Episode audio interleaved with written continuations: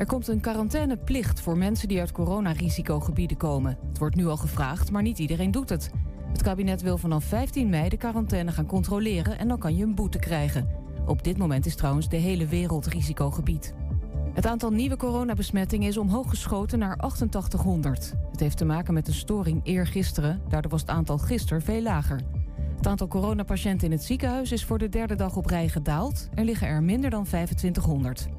Mensen uit 1952, die nu dus 68 of 69 zijn, kunnen zich eerder laten inenten tegen corona. Ze krijgen vanaf dinsdag een uitnodiging en kunnen ook al zelf online een afspraak maken.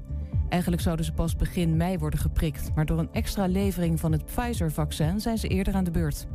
Justitie hoeft rapper Aquasi niet te vervolgen voor zijn uitspraak over Zwarte Piet. Dat heeft het Amsterdamse gerechtshof bepaald. Bij een antiracisme-demonstratie op de Dam zei Aquasi dat hij Zwarte Piet hoogstpersoonlijk op zijn bek zou trappen. Tientallen mensen deden aangifte. Aquasi zei later sorry. Het weer. In het westen veel zon, in het binnenland ook bewolking. En het blijft op de meeste plaatsen droog. Vannacht kan het licht vriezen. Morgen meer zon en 11 of 12 graden. En dat was het ANP-nieuws. Waar kan ik een APK laten uitvoeren en meteen een onderhoudsbeurt van mijn auto laten doen? Ik ga altijd naar eh, de Gebroeders van der Mei uit Enschede. Vakmanschap, passie en echte service zijn kernwaarden van Gebroeders van der Mei. Of het nu gaat om eh, APK-keuringen, reparaties, bandenopslag, totaalonderhoud, deuken verwijderen of een nieuwe trekhaak, zij regelen het voor je. Gebroeders van der Mei vind je aan de Lonnekerbrugstraat 80 in Enschede. 120. Weet wat er speelt in Twente. Iedere dag praten we hierbij over alles wat er in Twente gebeurt. Via radio, tv en online. 120. Enschede moet het podium worden voor Roze Zaterdag in 2023. Initiatiefnemer Sander Albertsen en wethouder Arjan Kampman die zijn blij. Pretparken, voetbalwedstrijden en theaters. Overal vinden testevenementen plaats. Maar is eventueel publiek zich wel bereid om te laten testen? Het Hengeloze Marktplein gaat volledig op de schop. Maar wat vinden de marktondernemers er zelf eigenlijk van, van het nieuwe plan? En in het Twents kwartierken krijgen we vandaag les van een inval Adrie. Dat is namelijk onze eigen juf Eline. Het is donderdag 15 april en dit is 120 vandaag. Tot eind vorig jaar waande hij op uh, Erfurt Stroink in Enschede in de middeleeuwen. Sinds 2007 was dat namelijk het thuis van Dragonheart. Bekend van uh, de roofvogelshows, van de ridderwinkel en van de middeleeuwse rollenspellen. Maar ik zei het al, uh, was dat hun thuis? Want inmiddels is de publiekstrekker verdwenen en bestaat alleen de winkel nog, digitaal. En dat doet pijn in het hart van eigenaar Martin Kuijer. Want er zit nogal een verhaal aan vast. Martin, goedemiddag. Goedemiddag. Ja, want als het aan jou had gelegen, dan uh, was je er nooit weggegaan, toch? Nee, dat was niet de bedoeling. Het was de bedoeling dat ik daar oud zou worden en uh, ja, eigenlijk tot het eind van mijn leven daar mijn ding zou doen. Ja, we komen daar straks nog wel even op hoe dat dan uiteindelijk is gegaan. Voor de mensen die dat uh, verhaal gemist hebben. Of nog even een recap, zeg maar.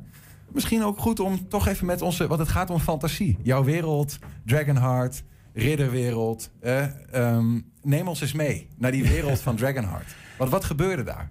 Ja, wat gebeurde er eigenlijk alles? Mensen die, die, die door de week uh, gewoon politieagent zijn of advocaat, die kunnen in het weekend uh, terug, zich terugtrekken als een uh, middeleeuwer of viking en helemaal losgaan. Dat staat ook echt allerlei pluimages daarbij. allerlei, ja. Het is niet zo dat het een bepaalde groep mensen is. Het zijn echt mensen met allerlei beroepen en, en, en ja, dat kun je niet, kun je niet voorstellen. We hadden zelfs een, een regisseur als laatste nog bij onze vereniging ook.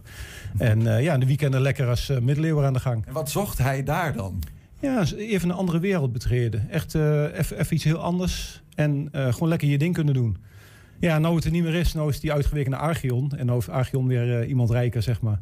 Archeon? Wat is Archeon, dat dan? dat is een themapark in uh, Alphen aan de Rijn. Daar is echt helemaal een uh, middeleeuws dorp gebouwd. En ja, eigenlijk alles op dat gebied. Maar dat, dat is nog Alphen aan de Rijn en Enschede. Dat is wel eventjes een eindje uit elkaar. Ja, hij komt ook uit Rotterdam. Dus voor hem is het ja, eigenlijk nog redelijk dichterbij als hier. Maar hij kwam met alle plezier elke keer hier naartoe. De mensen kwamen van heinde en Ja, verre. Ja. Rotterdam, was dat het verst of kwamen ze van nog verder? Uh, de echte vikingen nou. Brabant, Limburg, maar ook, eh, we kregen ook Belgen op visite, Duitsers die meededen. Dus eh, nee, we hebben echt heel veel eh, internationale klanten ook. Ja. Wat, wat waren nou wat jou betreft de hoogtijdagen van Dragonheart? De hoogtijdagen. Eh, ja, toen de, toen de uilenshows er nog waren eigenlijk, toen het hele pakket er nog was. De trouwlocatie, dat was natuurlijk het allermooiste. En eh, ja, toen alles er nog was. En, en, en wat, ligt er een herinnering voor in je, in je hoofd waarvan je zegt van ja, dat was voor mij, dat is Dragonheart. Met ten voeten uit. Poeh, nee, dat kan ik zo niet 1, 2, 3 zeggen. Nee, nee. Ik heb zoveel mooie herinneringen, dus dat, eh, ja. Ja.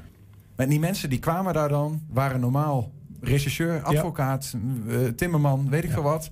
En die trokken een pak aan en Ja, die en speelden daar een spel. Ja, eigenlijk deden ze de middeleeuwen na. Ze probeerden zo dicht mogelijk bij het middeleeuwse leven te komen. Zo qua koken, qua kleding, maar ook qua slapen in tenten, kampementen, qua vuur, licht. Ja, je probeert het zo goed mogelijk te doen qua wapens, qua vechten.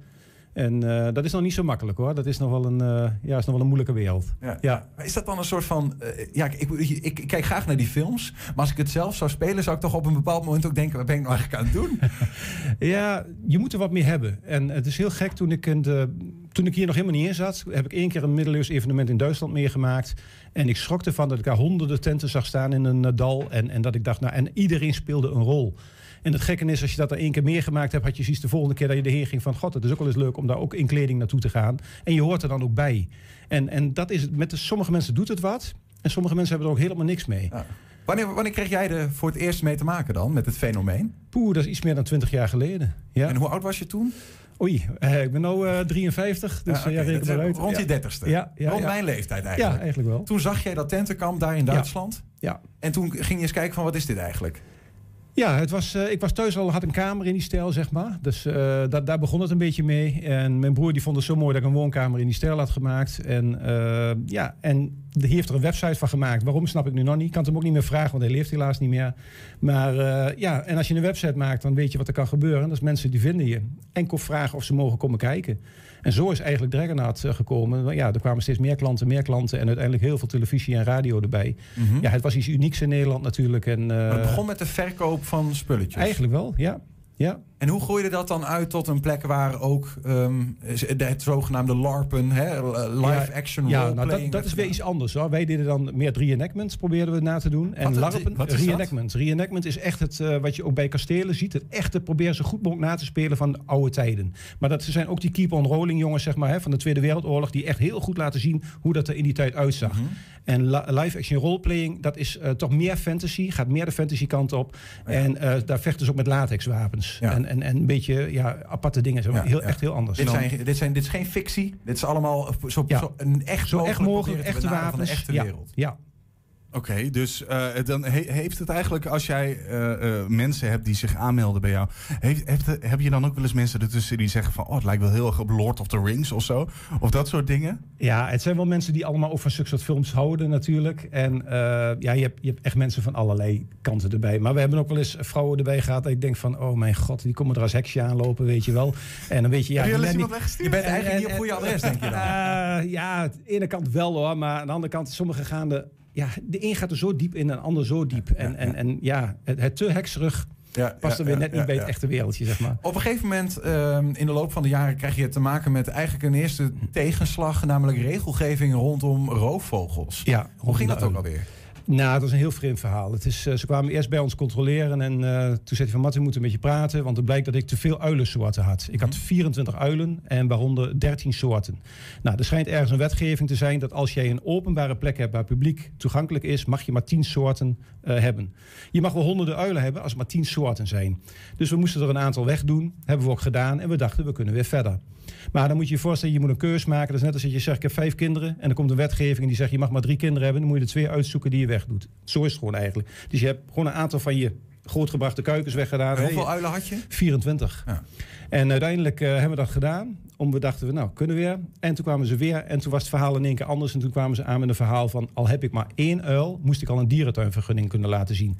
Ja, dat slaat helemaal nergens op. Staat ook nergens in de wet. En als een hele goede advocaat. En ach, Martin, dit winnen we zo. En nou ja, dat gaat allemaal lopen. En je denkt ook van, nou ja, oké, dit winnen we ook zo. Want het staat echt nergens. Ja. Maar ja, uiteindelijk eh, begon onze advocaat ook steeds meer twijfels en moeilijk dit en moeilijk dat. En weet je wat er mis? Het was tegen de overheid. Ik, ik zeg altijd tegen mensen, ga, geen, ga niet tegen de overheid een, een, een, een rechtszaak aan, want je verliest altijd. Ze verzinnen, kijken wat Mark Rutte heeft gedaan. Hè, eh, de rechter zegt nee en Mark Rutte die maakt een papiertje en die zeggen ja. En zo is het. Klinkt heel lullig, maar zo is het gewoon Had wel. je dit gevoel ook al voordat je met de, eh, de overheid te maken kreeg? Met, eh, Nee, absoluut niet. Nee, want, nee, want daarna, even in het verlengde daarvan, je hebt, wanneer speelde dit rond de roofvogels? Ja, dat is toch gauw alweer een jaar of vier, drie, vier geleden. Een jaar of drie, vier. Ja. En, en niet veel later eh, kwam de gemeente Enschede bij je. Nou, dat was eigenlijk al eerder. Dat, was is al, dat is al zeker acht jaar geleden. eh, kwamen ze in één keer aan van ja, het gaat slecht met Enschede. We moeten eh, bezuinigen. En we gaan vastgoed van de hand doen. Waaronder ja, het pand waar ik zat. En dan mij wel de keus geven. Ik had de eerste keus qua koop. Maar ja, zo'n pand kan ik natuurlijk niet betalen. Want hoe duur, eh, voor, hoe duur wilden ze Ah, je toen de even- tijd was het iets van 3,5 ton. En het zit nu al over de 5 ton. En ik denk als ze zo direct het bestemmingsplan eraf hebben... dat het richting de 7, 8 ton misschien wel gaat. Mhm. Dus eh, ja, ze willen er gewoon zoveel mogelijk geld uitslepen. En ze hebben ook helemaal niet gekeken naar dat ik er zelf al meer dan 3 ton ingestopt heb. Er werd, eh, ik moest gewoon dezelfde prijs betalen als dat jij hem zou kopen. Ja, dat vind ik niet eerlijk. Je moet toch wel kijken naar onze geschiedenis en, en hoeveel ton ik al aan huur heb betaald. En, eh, ja, en hoe mooi ik het opgeknapt heb daar. Ja, ja. ja, de gemeenteraad die heeft uiteindelijk daar opdracht toe gegeven. hè? Ja. Want eh, ja, je zegt al, de Enschede had geld nodig. En die hebben gezegd, we gaan hem willen tegen marktconforme prijs verkopen. Zodat Ja. het geld in het laadje van de gemeente komt. En de gemeente, de, het, het antwoord van de gemeente op jouw bezwaar is eigenlijk van... joh, eh, zo gaat dat. We hebben het aan Martin aangeboden voor die prijs. En als hij dat niet kan betalen, dan is dat helaas de, zover wij kunnen gaan. Ja, bikkelhard. Ja, bikkelhard. Ja. ik, de allerergste vind ik, eh, er was met mij wat anders afgesproken. Nou, daar houdt dus niemand zich meer aan. Maar ja, oké, al die mensen die dat toen met mij beloofd hebben, die zijn er ook niet meer. En je zit nu allemaal met nieuwe mensen, nieuwe wethouders. Ja, want je kreeg ooit de, het pand ook van de gemeente aangereikt... omdat Ja. ze eigenlijk wel heel enthousiast waren. Ze hebben mij plannen. juist van Almelo hier naartoe gehaald. Want dit was helemaal hier van het. En voor Enschede Zuid op de kaart te zetten. En eh, ja, dan verwacht je niet dat je na zeven jaar en meer dan drie ton investeren. Dat je ja, bedankt en tot ziens is het eigenlijk. Ja. En ook helemaal niks geen vergoeding krijgen. Dat vind ik nog het allerergste. Ze gaan straks het pand verkopen. Er wordt ook extra winst gehaald uit alles wat ik daar aangelegd heb. Alle tuinen aanleg en noem het allemaal maar op. En je krijgt gewoon geen dubbeltje. En dan zegt een wethouder gewoon van... eh, ja, dan neem je toch alles mee. Met andere woorden, haal alle bestrating er maar uit. Haal het witte zand er maar uit. Ja, het slaat helemaal nergens op. Maar dat zeggen ze gewoon. Ja, nou hoeven ze mij niks te Jij hebt betalen. eigenlijk een huurhuis helemaal mooi opgeknapt en Ja. eh, meer waard gemaakt. Ja. Maar je ziet er nooit iets van die prijs. zie er niks van terug. Terwijl je daar recht op hebt. Hoor. Ik heb het allemaal uit laten zoeken. Ik heb recht op een soort vergoeding. Omdat je ja, waardevermeerderende dingen hebt gedaan. Maar als een wethouder dan zegt van neem alles maar mee. Ja, dan houdt het op. Wat zit er nu eigenlijk op die plek waar Dragonheart ooit gezeten heeft? Waar al die evenementen waar je net zo mooi over vertelt. Ja, ja, Nee, er zit nu plaatsgevonden. anti-kraak in, in het woonhuis. En op de deel zit een mevrouw die iets met kunst doet. Ja, ontijdelijk. Want ze, ja, ik denk dat ze het bestemmingsplan proberen eraf te krijgen... waardoor ze een paar ton meer kunnen vangen voor de boerderij. Waardoor het echt een, een woonhuis gaat worden. En ze kunnen hem ook als zodanig Ja, dan, ja, ja, er zit nu een bestemmingsplan op waar gewoon bijna niemand wat mee kan. Wat is Dus, voor het bestemmingsplan eh, eigenlijk? maatschappelijk. Oké.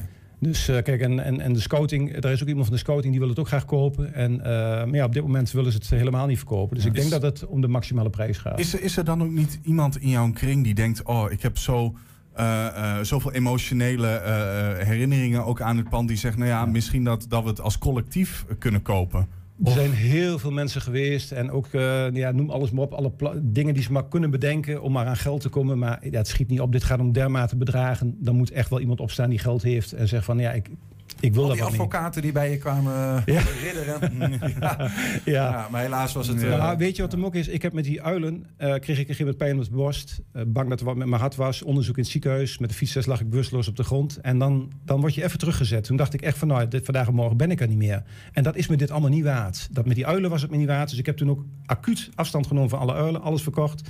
En met het pand heb ik op een gegeven moment ook een knoop doorgehakt een jaar geleden van... ik ben er helemaal klaar mee. Ik heb acht jaar gestreden voor die boerderij. Alles geprobeerd om wat van manier ook maar leningen, hypotheken, noem het maar op. Eh, de gevaarlijkste manieren geprobeerd. Ik zeg maar, ik zeg, uiteindelijk ben- was ik zo ver van, ik wil niet meer. Ik, ik heb geen zin om straks eronder door te gaan, alleen voor die rotboerderij. Zelfbescherming. Ja, Ehm, eh, je hebt nu eh, een soort van mini Dragonheart Ja. bij je in de Lutte waar je Ja. bent gaan wonen. Ja. Ehm, een, een, een opslag waar je toch nog wat spullen hebt die daar ook hebben gestaan. ja. En waar ik wel benieuwd hoe dat eruit ziet. Dus we zijn even bij je op bezoek geweest. Het meeste wat verkocht wordt, ja, eigenlijk de, de drinkhoorns. En eh, nou, dan heb je groot en klein natuurlijk. En wat houdt het in? Eigenlijk vikingen dronken vaak uit hoorns. En dan eh, ja, je alcohol erin, je wijntje erin, op bier en eh, vanuit de hand eh, drinken. En dan qua wapens natuurlijk de zwaarden en, en, en zulke soort dingen. Maar vooral de zwaarden, dat is heel erg in trek. We hebben zowel decoratiezwaarden en dan middeleeuws. En dan hebben we ook reenactment zwaarden. Dat houdt in, dat zijn zwaarden om echt te gebruiken. Daar, er zijn zwaardvechtscholen, ook een aantal zelfs in Enschede... waar je kunt leren middeleeuws zwaardvechten. En dan heb je dus echt een zwaard nodig wat heel wat kan hebben. Dat kan een eh, flinke klap hebben. Dus dat noemen ze dan weer reenactment. Dat is het naspelen van, eh van gebeurtenissen, middeleeuwse gebeurtenissen eigenlijk. Nou, dit is dus echt een middeleeuws zwaard. Vooral heel vaak herkenbaar aan de grote parierstang. En als je dan zeg maar een... Even kijken. Kijk wat ben ik... Oh, kan ik hier wel bij. Hier heb je zeg maar een. Kijk, dan zie je al erg het verschil. Hè, een korte, korte pareerstang, veel kortere zwaarden. En eh, ja, er zit ook, een, uh, zit ook wel even wat verschil in qua tijd natuurlijk. Maar daar is eigenlijk het vikingzwaard en middeleeuws heel goed aan te herkennen. Ja, harnassen die hier staan zijn echt decoratieharnassen. En wat houdt decoratie in? Die kun je alleen mooi in je kamer neerzetten of in het kasteel of in een kamer om mooi naar te kijken. Nou zijn dit wel kwaliteitsharnassen, dus als je hier op de voet gaat staan, zeg maar, dan trap je hem niet in. Dus het is echt kwaliteit. Maar je kunt hem niet aantrekken om echt te gebruiken. Die kunnen we ook laten maken, maar dan meten we de mensen helemaal op. Dan krijgen ze een soort onderkleding onder, dan meten we alle maten op. En dan krijgen ze echt een harnas waar ze mee kunnen vechten. En uh, dan kun je zelfs mee rennen. Dus wat je ziet in die films van uh, dat ze zo lopen eigenlijk, uh, allemaal onzin. Want je kunt echt rennen, je kunt makkelijk zelf op je paard stappen en afstappen. Dus ja, er zijn echt hele andere harnassen. Fantastisch. ja, het ziet er echt gaaf uit hoor. je bent eigenlijk weer ook een beetje terug bij af, of niet? Want je begon ook ooit met een, alleen een het opslag. Het is ook ja, vanuit uh, woonhuis eigenlijk begonnen. Een aangeklede kamer. En toen uiteindelijk nog een keer verhuisd. En hebben we van een garage een winkelachtig iets gemaakt. Dit ziet er ook nog steeds nog wel winkelachtig uit hoor. Dat wil ik ook, omdat ik anders denk ik gek word. Uh, ik mis heel erg de klanten. Ik mis de contact met de mensen om me heen. Want ik zit daar de hele dag alleen. Uh, mailtjes beantwoorden, pakketjes klaarmaken. Dat is nu mijn leven. En dat, is, uh, ja, dat, is, dat valt best wel tegen, moet ik zeggen. Dat is wel even, even wennen. Dat heeft ook met corona te maken? Nee, nee, nee. Het is, gewoon, het, is het, het een nieuwe setting? Nee, nee, het is de nieuwe setting. Het, het mag alleen maar internet zijn. Uh, ik mag daar geen mensen ontvangen. Het is, een, het is een kantorenpand.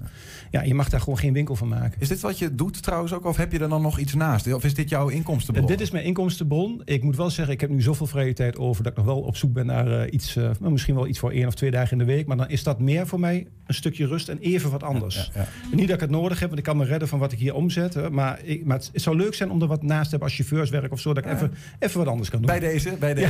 Ja, hey, ja gewoon even open sollicitatie. Hier. Hey, en, en uh, tot slot dan misschien, uh, is er een kans in de toekomst? Ben je nog een beetje met uilenogen om je heen aan het kijken van nou, misschien zit, ligt er ergens een pandje wat ik, zoals ik het eerder had? Of ben je wel een beetje nee, klaar mee? Nee, ik ben er helemaal klaar mee. Ik, helemaal? Ja, ja, ik ben er helemaal klaar mee. Nee, het klinkt heel raar. Ik moet echt wennen aan de situatie nu. ik heb zoveel vrije tijd. Maar aan de andere kant, ik heb een hartstikke lieve vriendin waar ik ook tijd voor heb nu. En vroeger was het zeven dagen in de week werken hoor. Dat heb ik 14 jaar lang gedaan. En nu heb ik zoveel vrije tijd over dat ik soms niet weet waar ik, uh, uh, waar ik weer heen moet. Ja, ja. Maar ik moet daar gewoon aan leren wennen. En, en, en nu komt wel mijn tijd van genieten, denk ik. Ik heb nog nooit een weekendje weg. En, en, en vakanties ken ik allemaal niet.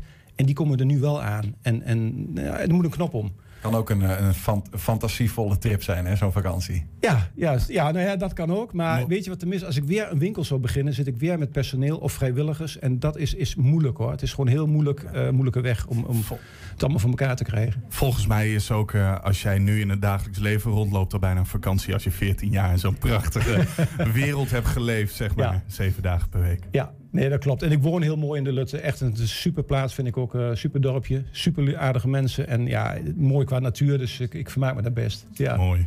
Succes verder, uh, Martin. Dankjewel. En dankjewel voor je dankjewel. verhaal. Martin Kuijer hoorde je. Ja, het Hengeloze Marktplein gaat volledig op de schop. Wat vinden de marktondernemers zelf eigenlijk van het nieuwe plan?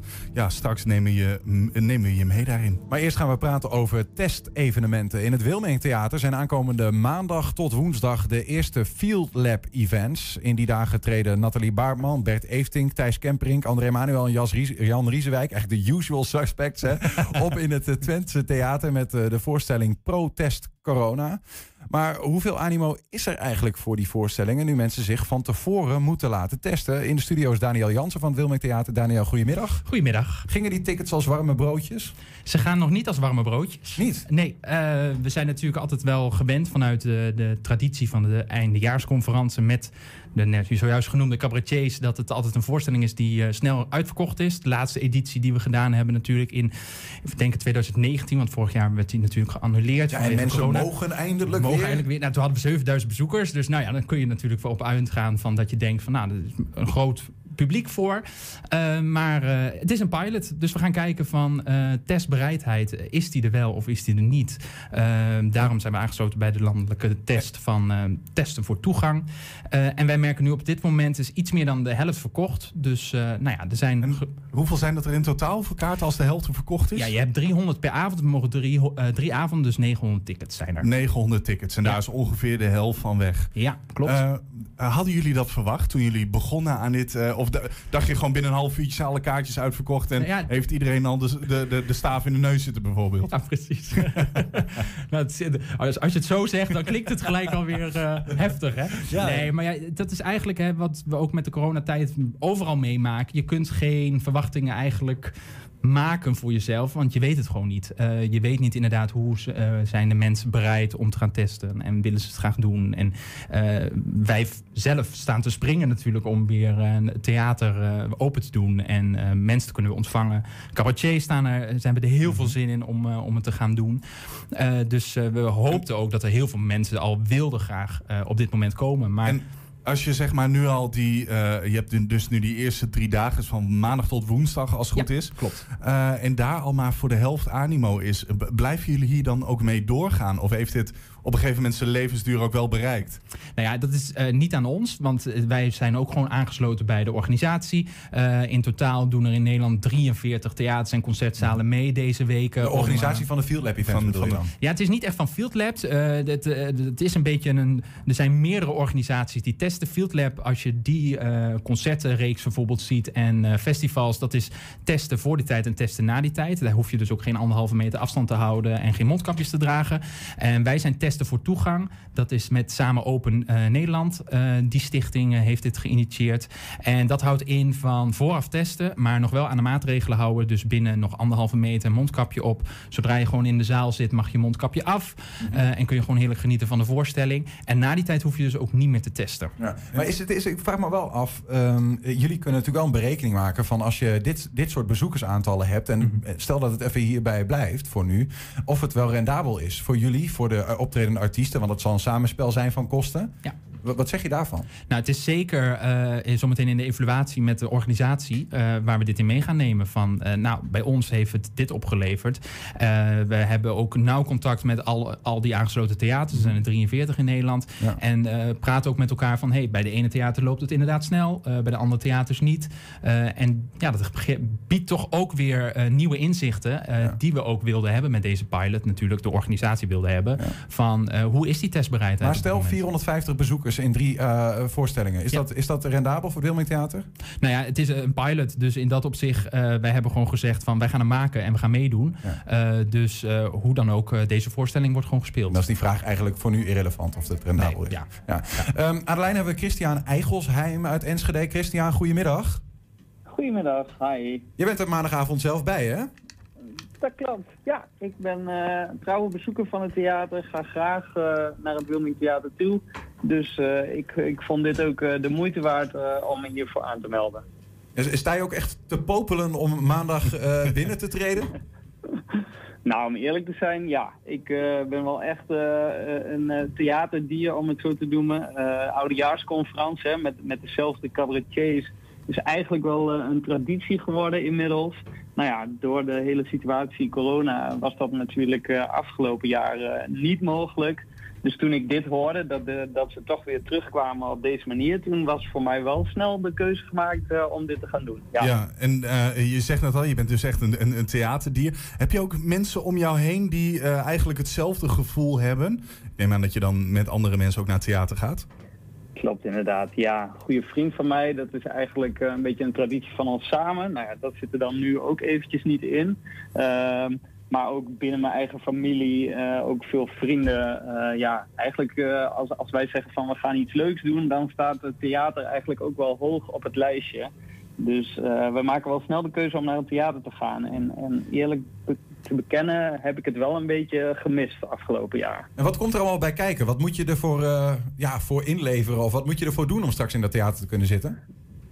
Ehm, nou, het is, eh, je moet een, een test kunnen laten zien. Eh, dus dat is binnen 40 uur voor de voorstelling, als ik het goed zeg, moet je laten testen. Dus ik heb een afspraak staan voor aanstaande zondag. Via testen voor toegang is dat. Waar is dat? Dat is eh, op het eh, vliegveld Twente, hebben ze een teststraat. Woon je in de buurt van het En- vliegveld? Ik woon zelf in Enschede, dus voor mij eh, valt het best mee. En ik, ik zag wel bij hun op de website, als je niet daar in de buurt woont, ja, Zwolle hebben ze dan een locatie en, en vliegveld Twente. Mhm. Dus ik kan me voorstellen als je eh, wat verder van eh, Enschede afwoont, ja, misschien is het dan nog een beetje een drempel omdat de testlocatie niet zo dichtbij is. Mhm. Maar voor mij eh, was dat makkelijk. Ik woonde vijf minuutjes met de auto vandaan. Dus je laat je testen en, en dan, dan ga je met een soort van testbewijs ga je maandag naar het theater toe. Ja, en ze hebben dan ook daarin wel de, de app gelanceerd, de Corona Check app. Eh, dus het wordt dan wel geanonimiseerd. En eigenlijk eh, degene die jou dan eh, scant, ja, die ziet dan eh, verder geen gegevens van je.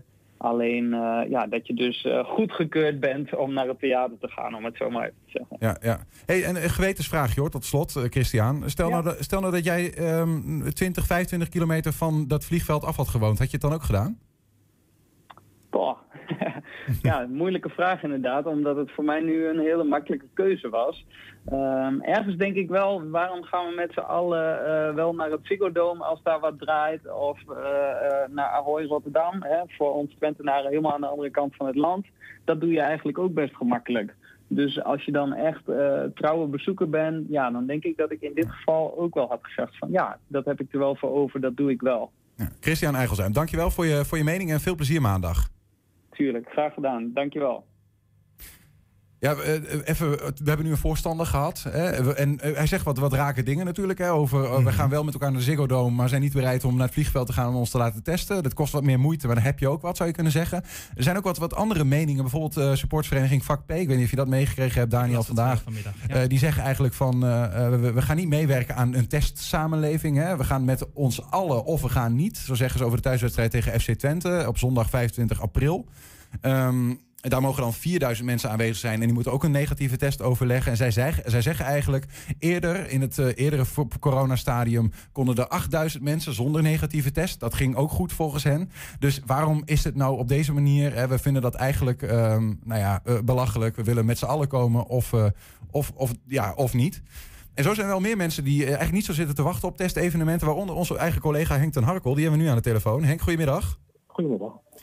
Ja, uit gesprek met de veiligheidsregio Twente bleek ook dat Twentenaren wat minder bereid zijn tot testen. Eh, Het aantal testen Ja. ligt in Twente 10% onder het landelijk gemiddelde. Ben jij zo'n gemiddelde Twentenaar? Ik ben een gemiddelde Twentenaar. Ja, ik, ik, ik, eh, ik, ik begin daar niet aan. Ik, ik, ik, eh, ik zie een testsamenleving of als, als ik naar iets toe zou moeten, wat ik leuk vind. Dat het, zij bioscoop, theater, voetbalwedstrijd, bezoek aan een museum, wat ik graag doe. Eh, ik ben niet bereid om me daarvoor te laten testen. Maar dan ben je gewoon niet zo'n liefhebber, misschien, van die evenementen. Nou, ik ben best een liefhebber, maar ik eh, moet geen Polonaise aan mijn lijf. Eh, ik heb geen zin om bij alles en iedereen maar zo'n stok in mijn neus te krijgen. Geen enkele trekking. Nee. Maar je, je moet toch een beetje aan die ondernemers denken. Die, zitten al maanden op zwart zaad en die willen ook wat verdienen. Dus, en dit is een, een mogelijkheid. Waarom pak je die dan niet? Nou, dat zeg ik omdat ik geen Polonaise aan mijn lijf wil. Ik heb daar gewoon geen trek in. Ik, eh, ik wacht mijn beurt wel af tot het, eh, eh, tot het weer zonder testen mag. Ik heb er werkelijk geen zin in. Nee. En zelfs als je op dat moment je theaterbezoekje, je, je, eh, dat soort dingen misloopt. En ook die ondernemers daardoor kosten en wat, wat het inkomen mislopen. Nou ja, gelukkig moet, ik, moet ik zeggen, Daniel, dat je je uitstekend je best doet om mij online te vermaken. Nou ja, dat, ik, en, daar, het- en, daar hoef, en daar hoef ik niet voor getest te worden. Daniel, schiet je jezelf in de voet met dit soort online evenementen? Of? Nou, het is een aanvulling. Hè. Wij, eh, we willen iedereen bereiken. Dus ook de, de mensen die inderdaad kiezen om niet aan deze pilot mee te doen. Die kunnen zeker nog gewoon online eh, alles eh, beleven wat te doen is. En ehm, ja, we verplichten niemand natuurlijk om naar Hoe ga jij Henk ten Harkel bijvoorbeeld of andere bezoekers die erin staan zoals hem eh, overtuigen om toch fysiek naar theater te komen? Ik denk dat ik die niet kan ver- overtuigen. Nee, want daar, die krijg, daar krijg je niet voor elkaar. Nee, Nee, en dat is natuurlijk ook de insteek van de test. Eh, we gaan kijken van welke mensen willen wel testen, welke mensen willen niet testen. En ehm, wat ons betreft is, wordt dit geen vast gegeven dat we zometeen alleen maar testen moeten doen om überhaupt naar het theater te kunnen. We doen juist aan deze test mee om zoveel mogelijk gegevens te krijgen. Om juist weer te kunnen gaan werken naar het moment dat we weer in een normale situatie met elkaar naar het theater Voor kunnen. de rest sta je ook een beetje met de rug tegen de muur dus. Zeker. Dat betreft, ja. Eh, Daniel Jansen, dank. En, Henk? en, ik, en ik steek mijn vinger op, Daniel, als, als ik weer, weer eh, naar binnen mag. Zeker. Dan Dan, ben- dan je verwelkomen we erbij. je graag weer, Henk. Ook alleen Henk is zo'n zaal. Dus Ja. dat is het meest veilige, denk ik. Ja, nou, de- die heeft genoeg ruimte nodig. Hey Henk, eh, eh, eh, dankjewel hè. Oké, tot kijk. En Daniel Jansen ook eh, bedankt voor het aanschuiven. Ja, Succes met de voorstellingen komen. Dankjewel. Nou, even tussendoor, zoals genoemd, hè, de testbereidheid was ook onderwerp van gesprek bij de wekelijkse persconferentie van de veiligheidsregio. Twentenaren zijn niet zo testterig, zo blijkt. Het aantal testen hier ligt 10% onder het landelijk gemiddelde. Andere hoofdpunten uit die persconferentie. De cijfers in Twente stijgen weer. En fors ook zaten we onder het landelijk gemiddelde. Nu halen we de rest aardig in. Daarmee wordt het eh, heel spannend of eventuele versoepelingen kunnen na volgende week. Het advies van de veiligheidsregio Twente blijft als vanouds. Houd je aan de regels met de toevoeging dat testen een goed idee is. En uh, ja, meer daarover denk ik of nu of later op onze site, Ernst. Of heb je nog wil, een breaking? breaking? Niels, ik taai zo weer af, maakt mij niet uit. Nou, want ik dacht dan, dan gaan we gewoon uh, door met onze Mar- Marco blijven. Maar of heb je nog echt iets heel spannends toe te voegen? Nee, nee, op zich niet. Maar ik werd net zo ge, ge, ge, ge, gewuifd van... joh, kom binnen, kom binnen. En dan Oh. kom altijd gezellig binnen. Uh, leuk natuurlijk. Nou ja, leuk dat je ik ben weer weg. Nee, ja, dan, nee. eh, dit, ik dit vond dit het allerbeste item dit is ever. dit- ook Ja. het snelste, het leukste. Goed, hè? wij zijn zo goed. Nou, eh, wil je, wil je dan gewoon vol- volgens het format doen? Dan... Nee hoor. We gaan maar, als je meer wil weten, er ontstaat een eh, artikel op onze site met alle info over corona in Twente. Ja, dan. Onlangs heeft de Hengeloze Raad ingestemd met de herinrichting van het Marktplein. Door de aanleg van veel groen en een forse waterpartij is er minder ruimte voor de marktkooplui. In plaats van de huidige compacte markt op het plein komt nu een lintmarkt. Waarbij de kooplui deels moeten uitwijken naar de Enschedese straat, de Telgen en de Brinkstraat. Ja, maar wat vinden zij daar eigenlijk van? Verslaggevers Hieke en Stan namen een kijkje en gingen ook even langs bij Annette ten Hopen, dat is de marktmeester. Eh, op zich is het een mooi plan en goed voor, voor de binnenstad. Het enige waar ik persoonlijk een beetje bang voor ben... dat er geen ruimte meer is voor de markt. Zoals ik nu in kan schatten. Ik vind het hartstikke leuk. Het, was, eh, het is er wel erg aan toe. Het is natuurlijk, eh, nou, wat zal ik geloof een jaar of 10, 12 geleden of zo, of misschien langer geleden, dat het helemaal verbouwd is. En dat marktplein verbouwd wordt is wel nodig. Want het is, is ja, kaal, maar vooral eromheen is het kaal. Het marktplein zelf ook wel, maar toch, eh, ja, er mag wel iets aan gebeuren, ja. De, de markt gaat inderdaad veranderen. Er gaat een heel proces overheen, voorheen en overheen. We zijn nu in, eh, in gesprek met de Marktbond. Van te kijken van hoe gaan we het allemaal doen. Uh, wat gaat er allemaal gebeuren. Als je het geheel ziet, uh, komt het er dadelijk best heel erg mooi uit te zien. En bent u niet bang dat het een nadeel zou worden voor de markt? Uh, dat zou heel goed kunnen, want we krijgen nu een soort lintmarkt eromheen. En dat kan op zich wel heel gezellig zijn, maar ik denk dat er ook weinig uh, loopruimte en weinig ruimte voor de marktkraam overblijft. Dus, en op zich denk ik dat het voor de markt ook gezelliger is om gewoon op een plein te staan. Nog geen ruimte voor, voor genoeg markt uh, voor, de, voor de kramen. Het is nu de, we staan nu met alleen food op de markt. Je ziet dat het hele plein eigenlijk al bezet is. Uh, zeker in coronatijd, waar iedereen anderhalve meter afstand moet houden... is er denk ik straks te weinig ruimte om alle kramen uh, te plaatsen hier op de markt. Nou, zelf, wat mij verbaast is dat de ruimte wat helemaal groen wordt... dat dat vrij groot is. En dat hier aan de zijkanten, om, de, om het plein heen, om het groene plein heen... dat daar relatief weinig ruimte is. We krijgen in het midden, waar nu de kooplieden staan, uh, achter de bomen... daar wordt dus een hele grote tuin gemaakt. Uh, aan de voorkant van de telgeflat komt een uh, vijver met de beren. En voor de rest wordt het een tuin gemaakt waar je gewoon doorheen kunt. Dat betekent voor de marktkooplieden dat ze met de ruggen tegen elkaar... de een kijkt naar de tuin en de andere kijkt naar de winkels. Dus je krijgt eigenlijk een, een, een langere markt. Had je dan liever gehad dat het wat compacter werd, de markt? Ja, persoonlijk zou ik dat denk ik wel willen, ja. Ja, het mag best een beetje meer op elkaar geconcentreerd zijn. Dat, dat, uh, dat geeft wat meer show en wat meer reuring aan de markt, denk ik. Dus uh, ze doen altijd vrij moeilijk over uh, parkeren, over brandweer. wat ik begrepen heb, komen wij tussen dit, moet dan dubbele rij komen. Nou, als er een calamiteit is waar brandweer of weet ik veel wat bij moet komen, dan denk ik dat daar geen plaats voor is. Maar goed, ik ben maar marktkoopman, hè. ik ben geen gemeentebestuurder. We hebben heel veel gesprekken de komende tijd met de Marktbond. En als we dadelijk allemaal met elkaar het eens zijn... dan gaan we hem digitaal zetten. En dan gaan we de marktkooplieden allemaal uitnodigen. Wel in coronatijd, dus het zal wel een paar avonden worden. En dan kunnen die mensen ook nog gaan zeggen wat ze ervan vinden... en hoe ze het zouden willen of hoe ze anders zouden willen gaan staan. Mensen vinden het wel eng. Je zit aan hun boterham, hè? je gaat hun verplaatsen. Ze hebben ook geen idee van wat gaat er nou gebeuren. Maar door het gesprek wat we voeren met hun zijn ze best heel positief. Ze snappen heel goed dat er wat moet gebeuren. Maar hoe dat gaat, ja, dat, houdt, dat is altijd eng. Dan, we gaan eh, praten over Roze Zaterdag. Enschede heeft zich officieel kandidaat gesteld om eh, in 2023 gastgemeente te zijn voor dat meerdaagse evenement. Een heus bidboek moet eh, de organiserende stichting overtuigen dat Enschede de stad is waarin het feest van pluriformiteit moet gaan plaatsvinden. In de studio is initiatiefnemer Sander Albertsen en verantwoordelijk wethouder Arjan Kampman. Welkom beiden. Dankjewel. Ehm, Sander, gefeliciteerd. Ja, dankjewel. Ja, eh, eh, fijn dat de gemeente initiatief omarmt. Ja, dat is zeker heel, eh, heel fijn. We, we hebben natuurlijk nog niet de toezegging gekregen dat het in 2023 ook gaat gebeuren. Maar dat, dat de gemeente daarachter staat en heel veel mensen enthousiast over zijn, dat is natuurlijk al, al een ontzettend pluspunt. Ja, Ja. dit is alweer een eerste goede stap in, in de goede richting. Ja, zeker weten. Want je hebt toch eh, mensen nodig vanuit de gemeente en eh, gedragenheid. En eh, ja, die, die kreeg ik direct. Dus dat is, Waaronder de, nou ja, zo kan zeggen, LHBTI-wethouder Arjan Kampman. Blij met deze stap?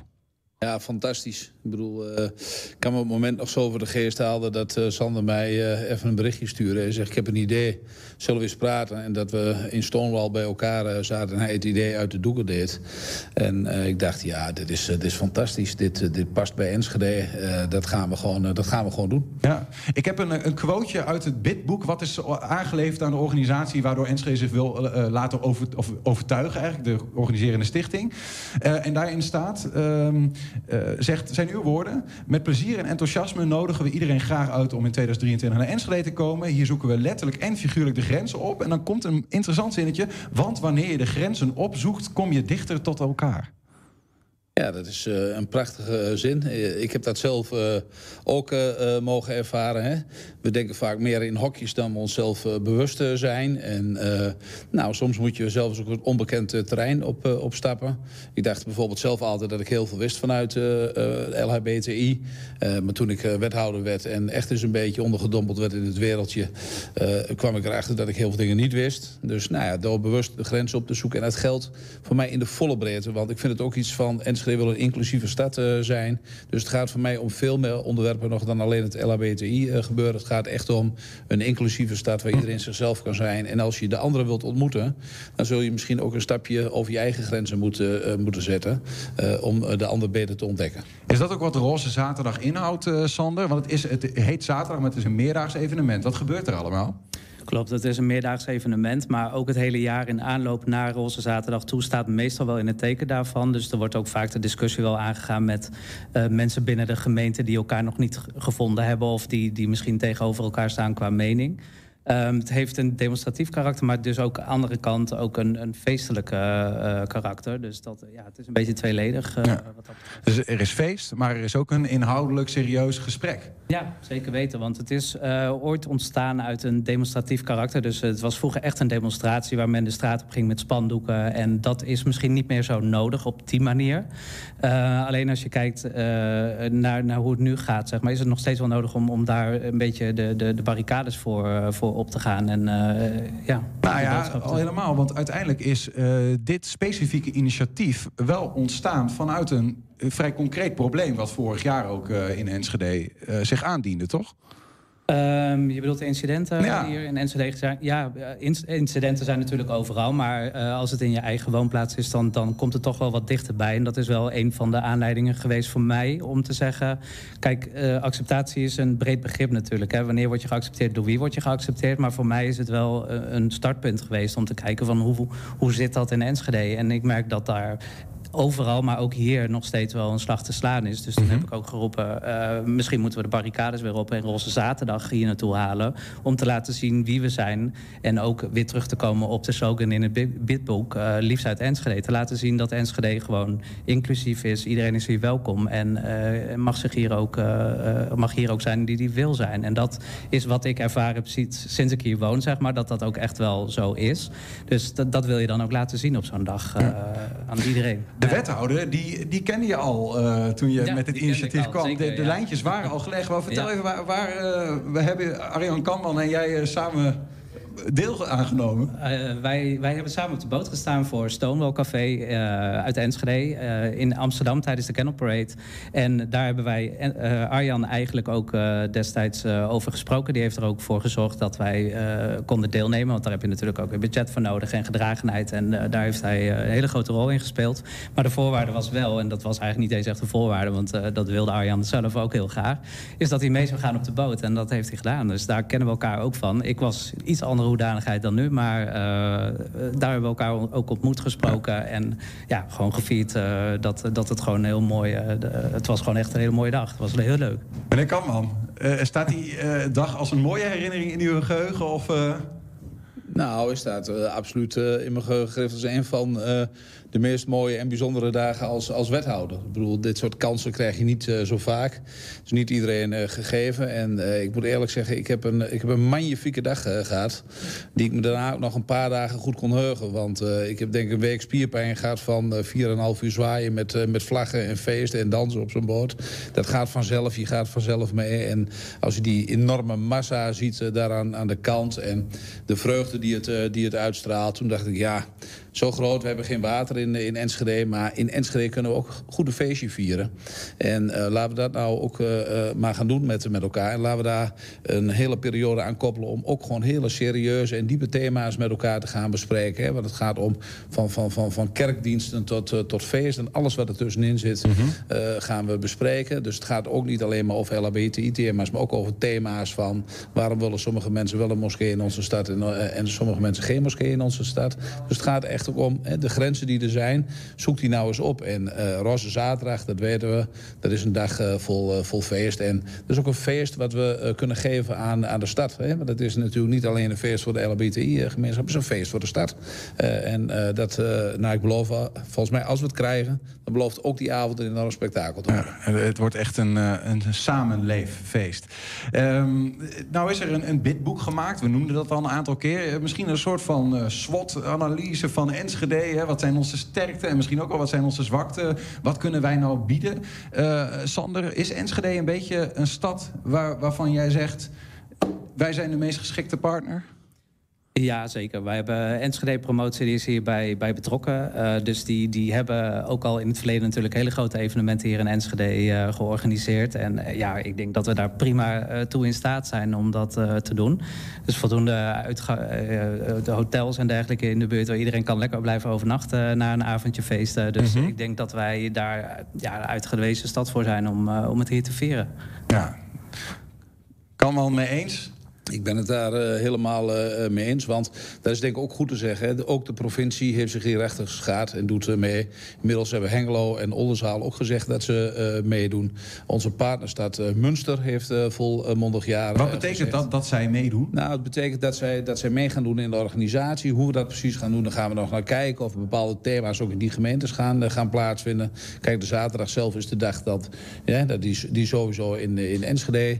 Maar gaan we kijken hoe we daarin in samen kunnen werken. Grensoverschrijdend, hè, daar hadden we het net ook even over. Heeft ook mee te maken dat onze partnerstaat Duitsland ook mee gaat doen. Die gaan ook als wij het krijgen, gaan zij ook in die week, gaan ze ook in Münster gaan ze activiteiten organiseren. Er wordt een regionaal feest. Nou ja, dat is wel, dat is wel de bedoeling. Het is een beetje Enschede als centrum, maar wel het feest van, van de streek. En ook een beetje grensoverschrijdend. Passend bij het thema wat we, wat we in hebben gediend. En eh, onder, onder de mooie leus die we allemaal kennen, bij het mooie bankje, liefst uit Enschede. Liefst uit Enschede. En is dat dan ook meteen wat u als wethouder kunt betekenen? Bijvoorbeeld, want Sander, er komt nogal wat op jou af, denk ik. Hè? Je hebt een initiatief genomen en nu eh, moet ook wat geregeld worden. Wat kunt u dan als wethouder doen voor dit feest?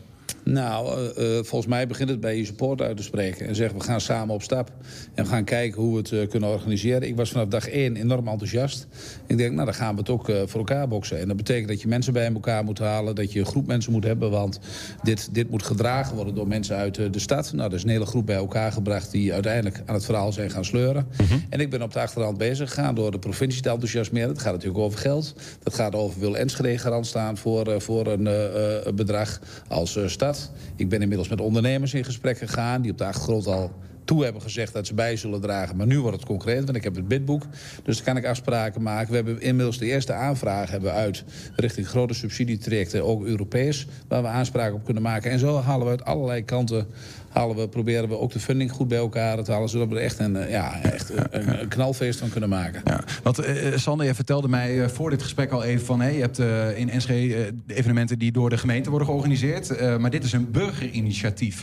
Dat betekent dat je zelf ook nogal hard aan moet trekken hè, met allerlei partners. Nou ja, goed, het, het is natuurlijk, eh, eh, als je kijkt eh, waar het vandaan komt, komt het vanuit onze community, vanuit de regenboogcommunity. Dus in, in dat opzicht moet er ergens iets ontstaan.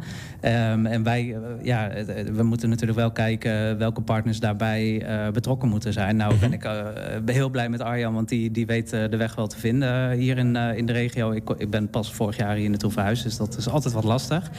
Maar je hebt heel veel gedragenheid nodig. En dat, dat wordt nog wel even heel wat werk om iedereen bij elkaar te krijgen. Maar aangezien ik nu al mijn hele mailbox vol heb zitten... en eh, eh, appjes krijg vanuit allerlei kanten van mensen die enthousiast zijn... graag willen meewerken, willen meehelpen... denk ik dat we dat eh, zeker gaan, gaan redden. Zie je dat met vertrouwen tegemoet? Ja, ik zie het met, Even vertrouwen over dat, want jij ja. zegt al, je woont een jaar hier. Je bent hier naartoe gekomen voor de liefde. Trad ooit op in Stonewall als jouw alter ego Roxy, een drag queen. En daar leerde je je vriend kennen. Maar je komt uit Utrecht. Ik kom uit Utrecht. Hoe is het verschil tussen Enschede en Utrecht als het gaat om LHBTI? Ehm, ik denk dat er heel veel overeenkomsten zijn. Eh, kijk, eh, ik, ik merk wel dat het Utrecht iets meer outgoing is. Hè. En dan heb ik het meer over de community zelf. Niet zozeer over de gemeente en hoe eh, daarmee omgegaan wordt. Maar dat is denk ik wel vergelijkbaar. Alleen Utrecht is meer in your face, denk ik. Daar ben je op straat en je bent daar. En, en, en hier is het toch iets, iets anders op dat gebied. Mensen zijn iets te nuchter, of nuchterder nog? Ik weet niet of je het nuchter kan noemen. Ik, heb, ik ben er nog niet helemaal uit Nee, waar dat nou precies in zit. Maar ik merk wel dat het hier... ja, je- sommige mensen praten daar niet over. En heel veel mensen vinden het ook misschien niet nodig. Eh, eh, die vinden, doe maar gewoon normaal, dan is het al eh, goed genoeg. Mhm. Ik ben dan wel iemand die denkt, ja, wie bepaalt wat normaal is? En ik vind, je moet laten zien wie je bent. En, en, en dat niet onder stoel of bank kunnen steken. En Dus als dat een feest gewend. is, En is dan dat is dat een feest. Dan is dat een feest. Is dat dat je, dat je iets moet roepen waardoor je in de krant komt om aandacht te krijgen voor de community en de problemen die er spelen, dan doe ik dat. Maakt mij niet zoveel uit, dus ik pas me gewoon aan waar ik ook woon. Tot slot dan, eh, 1987 was de eerste Roze Zaterdag in Enschede. Want eh, er was al ooit één. De tweede in 2004, dat is 17 jaar later. Het is nu 2021, dat is precies weer 17 jaar later. Eh, Gaan we hem gewoon eh, in 2021 weer inkoppen, meneer Kampman? Nou, ik, ik ga er echt vanuit. In het weekend van 8, 9 mei, dan wel het weekend erop... komt het organisatiecomité, althans uh, Roze Zaterdag, komt naar Enschede. Die gaan dan uh, kijken hoe het hier in de stad voor elkaar is. Of het bidboek klopt bij hoe het daadwerkelijk in de stad is. nou, dat is best een heel spannend, spannend moment. En dan wordt het afwachten. we hebben nog geen idee hoeveel tegenkandidaten we hebben. Worden uit geruchtencircuit wel van een aantal gemeenten die er ook voor Ja, zijn. Breda, Goes. Ja, een paar, een paar in Nederland die er ook voor in, in zijn. En nou, ik denk dat wij met elkaar moeten laten zien dat uh, Enschede echt de plek is waar het in 2023 moet, moet gebeuren. Ik, ik, vind ook wel dat we het verdienen als, als streek. En dat past ook heel goed bij, en dat doe ik maar uit, vanuit gemeente Enschede perspectief, het beleid wat we de afgelopen jaren zijn gaan voeren. Omdat we hebben gezegd, naast de hardcore dingen die te maken hebben met voorlichting, met een veilige omgeving bieden en al dat soort dingen die belangrijk zijn, dat we ook hebben gezegd, het gaat ook om zichtbaarheid. Gewoon met uh, naar buiten toe ons laten zien uh, in wie we zijn. En dan dat, ja, dat proberen we op die manier alle kracht bij te zetten. We gaan hem meemaken. ergens waarschijnlijk rondom juni. Normaal zou het op de Roze Zaterdag zijn. Die is verplaatst naar oktober. Mogelijk horen we het iets eerder of Enschede het gaat worden. we zijn ontzettend benieuwd. In ieder geval bedankt voor nu Sander Albertsen voor het initiatief. En wethouder Arjan Kalman ook bedankt voor de komst. Ja hoor, graag gedaan. Ja, en dan is het nu alweer tijd voor het Twents kwartierken met juf uh, Eline. Ja, ja. Eline, uh, uh, jij bent hier omdat Adrie er niet is. Die is nee, met vakantie. Adrie is met vakantie deze week, Joh. dus ik neem het van haar over. Lig, lig me dan eens eerst in. Wat, wat heb jij nou met die Twentse taal? Nou ja, ik uh, doe elke week natuurlijk het woord van de week. Dus ik ben een beetje, ik zit er al wel een beetje in. En uh, ik vind dialect gewoon heel erg leuk. Dus... Want, want jij komt hier ook uit Twente, of? Nee, ik kom niet uit Twente. Ik kom uit Ja, Twello, het lijkt erop. Dus, dus je eh, bent een aangeboren tukker, net als ik. Of Ja. een aangeboren, een aangeleerde. Ja, aangeleerd. Ja, ja, ja. Nou, kijk eens aan. En eh, eh, jij gaat deze week ook met ons eh, de terugblik doornemen. Zeker. Zullen we daar gewoon mee beginnen? Ik zie dat Niels hier zit. Je hebt er weer zin in, hè? Ja, zin in, Niels? Goeiedag, Ja, zal ja, ik en de we hebben weer echt een. Twents kwartierken, want we zijn weer veel te laat. Oh, we gaan er weer eventjes wat doorheen halen, hoor, jongens. Kom maar.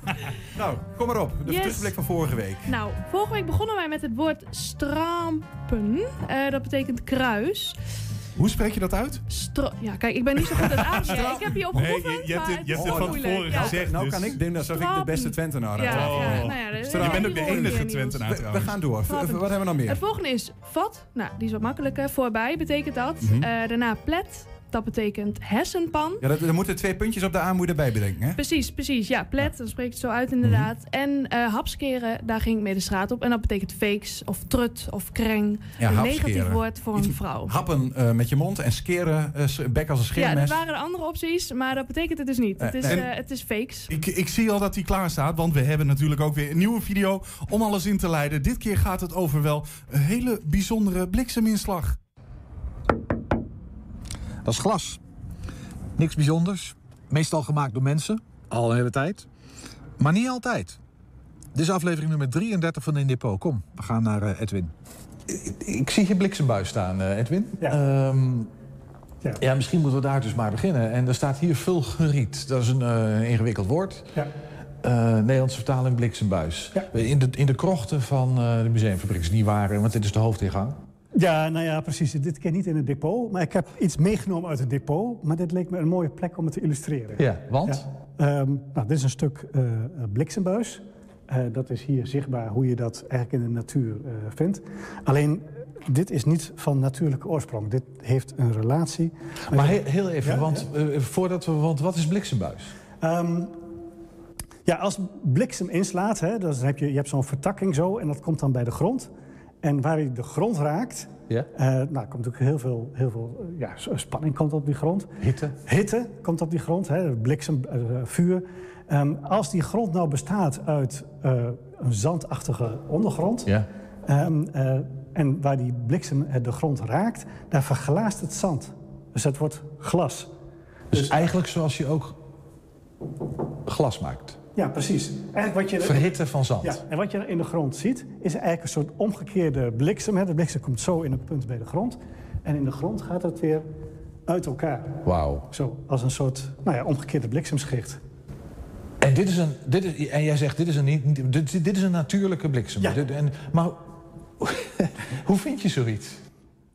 Ehm, nou, ja, zandgrond, ja, je, moet, je moet er wel verstand van hebben. Hè. Mensen, mensen, de meeste kans maak je eigenlijk in de buurt van zandverstuivingen. Hè, dus dan, een, een zandverstuiving is een, ja, een berg zand. Ja. Eh, eh, eh, De Beerse bult. De, de, nou, de bliksem slaat in. En nou, als jij regelmatig langs loopt, dan waait af en toe de top waait een beetje weg. Aha. En als je daar nou van die buisjes ziet staan, hè, dus buisjes die komen dan boven de grond uit, hè, doordat het zand een beetje weggewaaid is. Iemand die er verstand van heeft, denkt van, hé, hey, dat zou wel eens fulguriet kunnen zijn. En dan, als je dat dan helemaal uitgraaft, Dan krijg je dit. dan krijg je dus deze slierten. En volgens mij zijn de langste die ooit eh, gevonden zijn, zijn 13 meter de grond in. Wow, dat is echt... Is natuurlijk, we weten dat bliksem krachtig is natuurlijk. Ja. Maar die kracht zit hem dus in de verglazing van steen, of van, van zand in dit geval. Ja. Eh, en zit hem in de diepte, zeg maar, dat het gewoon echt die grond inslaat. Het, gaat, het slaat echt, eh, echt een eind de grond. En je ziet hier gaat het dan met zo'n Ja. Wat is het verhaal van dit bliksembuisje? ja, het is een dikke... eh, Ja, waarschijnlijk zat hij nog een heel stuk verder de grond in. Oké, dat- ja, ja. Nou, deze die is ontstaan doordat een hoogspanningskabel knapte. Je, je ziet het wel eens in, in films. Eh, dat eh, een hoogspanningskabel en dan, en dan in zo'n actiefilm... dan moeten mensen zo slalommen tussen de dansende hoogspanningskabels. een mooi dramaverhaal. Ja, dus zoiets moet je je bij voorstellen. Zo'n hoogspanningskabel die raakt de grond. Ja. Ook een enorme hitte. Ja. En eh, die is de grond ingegaan. En eh, eh, toen is dit ontstaan. En, en, maar de, de reden waarom die hoogspanningskabel eh, geknapt is... Ja. Is eh, het bombardement van Hengelo van eh, 7 oktober 1944. 7 oktober 1944, een bombardement. Dus niet de inslag van een bom, maar toen is er een hoogspanningskabel geknapt. Precies. Oké. Ja. ja. Dus eh, eh, eh, eh, Hengelo was een belangrijk knooppunt eh, eh, van allerlei transportroutes. Hè, van, van Nederland naar Duitsland, troepenverplaatsingen, materiaalverplaatsingen van, van de Duitsers.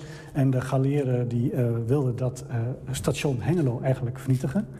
Eh, met Maar er zat ook Holland Signaal en Stork. Er zaten natuurlijk Ja, ook eh, ja, ja, hoogwaardige technolo- ja, Precies. Ze- op, op 6 oktober, de avond ervoor, hadden ze al geprobeerd. Hebben ze, nou ja, mis. Het was niet, niet, niet raak. En 7 oktober zijn ze teruggekomen. Ja. De doelen waren inderdaad station Hengelo, Stork, Holland Signaal. Mhm. Ehm, en eh 70 bommenwerpers van eh, Marauder-type, uh, zo'n middelgrote bommenwerper. eh, die hebben het station gebombardeerd. En ja, het, bleef één vlakte eigenlijk over. En, en een nevenschade was bij de hoogspanningsleidingen. waardoor er eentje knapte. En daar is dit ontstaan. Dus het is een soort... Ja, wat, wat blijft er verder over van een bombardement? Men bouwt het weer op. En dit is, dit, is, dit is een van de overblijfselen daarvan. Ja, ja precies. Oké, Ja. heftig. En hoe zijn jullie hier aangekomen dan? Eh, dit is, dit is eh, 1949 geschonken door, door een meneer ehm Langehuizen. Die heeft het in, ik vond het in de database in 1949 geschonken. Oh joh, dus dat is al echt al een hele tijd in jullie bezit zelfs ook. Dus heel kort eigenlijk na de oorlog. En deze meneer heeft dat gevonden. Maar ja, we hadden het net al over. Dit vind je natuurlijk niet zomaar. Dus eh, echt, een- echt een bijzonder, heel bijzonder ding eigenlijk. Ja, ja. Net is- precies van dat bombardement. Ja. Ik, heb, ook- ik heb ook nergens gevonden, hè, want fulguriet eh, als bliksembuis... Dat, dat vind je ook wel bij andere natuurhistorische musea Ja. en zo. Maar, maar, maar, maar, maar iets van, van wat door een hooggespannen hoogspanningskabel eh, geknapt is... die heb ik nergens teruggevonden. Mooi verhaal, eh, Edwin. Eh Vulgeriet uit Hengelo. Na een bombardement.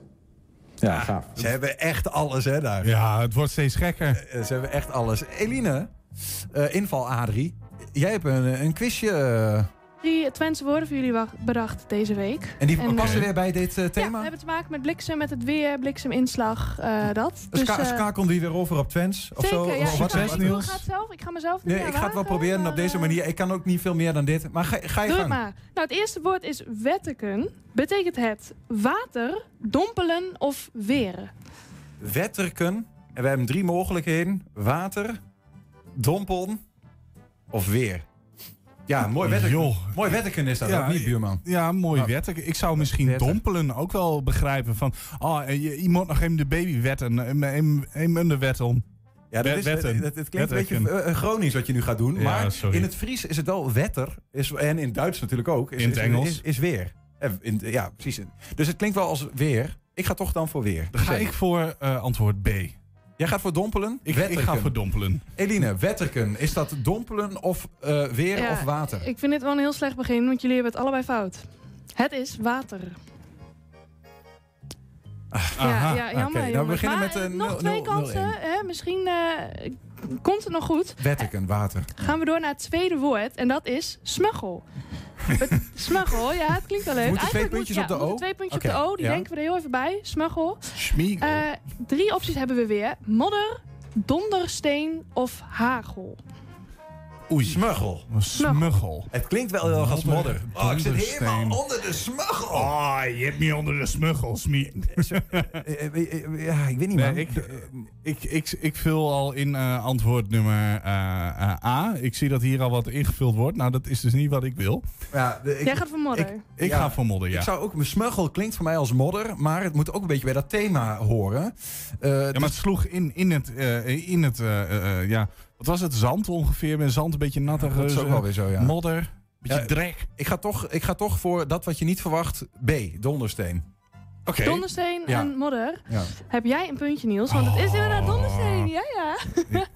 Goed zo, goed zo, goed Ik ben, zo. mijn, noem- mijn moeder noemde mij ook altijd een smuggel. Hè? smuggel. Smuggel, baby. Drie keer raden waarom. Nou, we gaan naar het eh, derde woord. Misschien kun je hem nog bijbenen, Julian. Derde woord is zog. Bijbenen. Zog. Nou, we hebben drie woorden. Eh, mist, stroom of regenjas. Eh, iets in, wat was kielzog ook alweer? Dat ook toch iets in het kielzog hebben. Nee, Ik- ja, ik zou- er is Hmm. iemand, zit iemand in je kielzog, dan Ja. zit iemand je op de, op, de, op, de, Op op, de- voeten, dan komt iemand achter je aan. Ja, maar dan, dat zou dan toch in de mist zijn, want dat zie je toch niet altijd? Dat iemand zo dicht achter je aankomt? Eh, eh, ik, ik, ik weet het niet, zog. Ehm, ik heb geen idee. Maar Mist, het- stroom, regenjas. Ja, het gaat, er is maar één ding wat ook met dit onderwerp een beetje te maken heeft. En daar ga ik dan voor. Stroom. Ja, stroom. Ik ga met je mee. stroom. Ik doe gewoon, ja, ga ik gewoon B. Stroom. Zorg voor stroom. Nou ja, hartstikke goed jongens. Mooi afsluiten. kijk, dat Het dacht is ik al. stroom. Niels, gooi maar één keer dan. En Niels. jij bent ook weer de straat op geweest. Zeker. Dit keer met een woord die je van een eh, bijzonder, voor jou bijzonder persoon hebt gekregen. hem, en voor eh, ons natuurlijk ook. Ja, ik heb hem van een heel bijzonder persoon eh, gekregen. Ik vertel het in het filmpje. Een nieuw Twents woord van de week. Deze week ga ik de straat op met het woord greep. Heel bijzonder, hè? want mijn opa, mijn eigen opa, heeft dit woord ingestuurd.